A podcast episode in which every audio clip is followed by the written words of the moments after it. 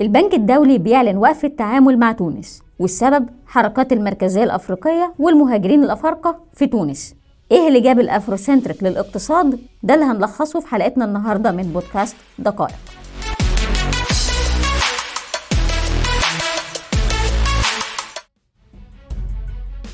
في 21 فبراير 2023 الرئيس التونسي قيس سعيد قال إن تونس بتتعرض للي وصفها بمؤامرة لتغيير التركيبة السكانية من خلال تدفق كثيف للمهاجرين الأفارقة على البلد وإن موجات الهجرة دي بتهدد بنزع كل روابط تونس وبتحويلها لدولة أفريقية وبس. قال كمان إن الموضوع مش صدفة لأن في جهات بتدفع فلوس مقابل توطين الأفارقة في تونس بدل ما يكملوا طريقهم على أوروبا.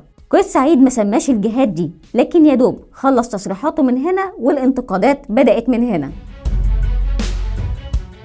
أول الانتقادات خرج من جوه تونس من خلال المنتدى التونسي للحقوق الاقتصادية واللي وصف تصريحات قيس سعيد بالعنصرية وقال إنها ما تفرقش حاجة عن الحملات المنتشرة في أوروبا ضد المهاجرين. قيس سعيد خرج بعد كده في تصريح وقال فيه إن الأفارقة مرحب بيهم في تونس إذا دخلوها بشكل قانوني.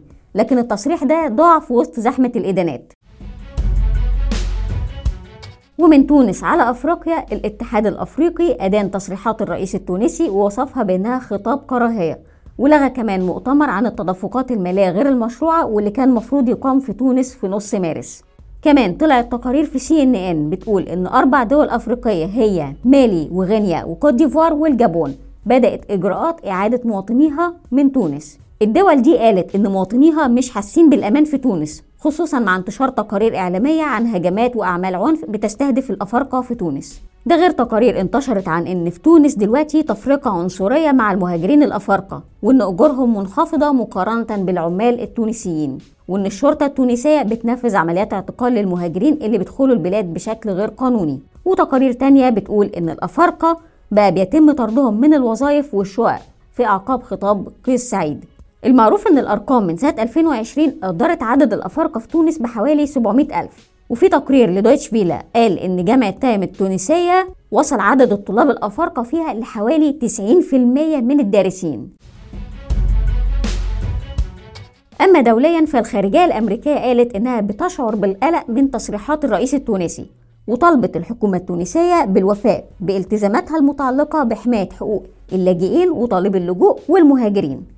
ده بالتزامن مع قرار تاني من البنك الدولي واللي قال إنه علق التعاون مع تونس بسبب الاعتداءات اللي بتستهدف الأفارقة مع خطاب الرئيس التونسي. من ضمن الأنشطة المشتركة كان في اجتماع بين الحكومة التونسية والبنك الدولي وتم تأجيله لأجل غير مسمى لحين تقييم الوضع. ده بحسب كلام البنك الدولي.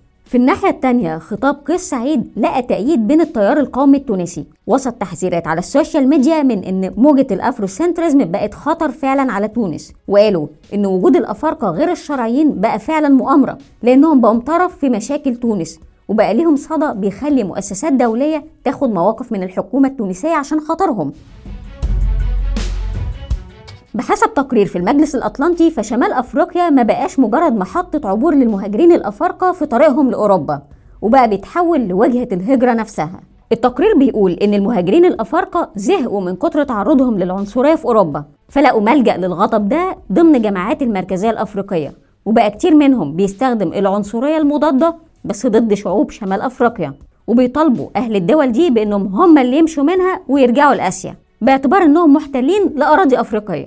وطالما في أفريقيا فتبقى أراضي للسود بس. كمان طلعت دعوات منهم لحاجة بيسموها إعادة أفرقة أفريقيا عن طريق الهجرة الجماعية وعن طريق الزواج من مواطني الدول دي باعتبار إنها وسيلة للإقامة الدائمة فيها.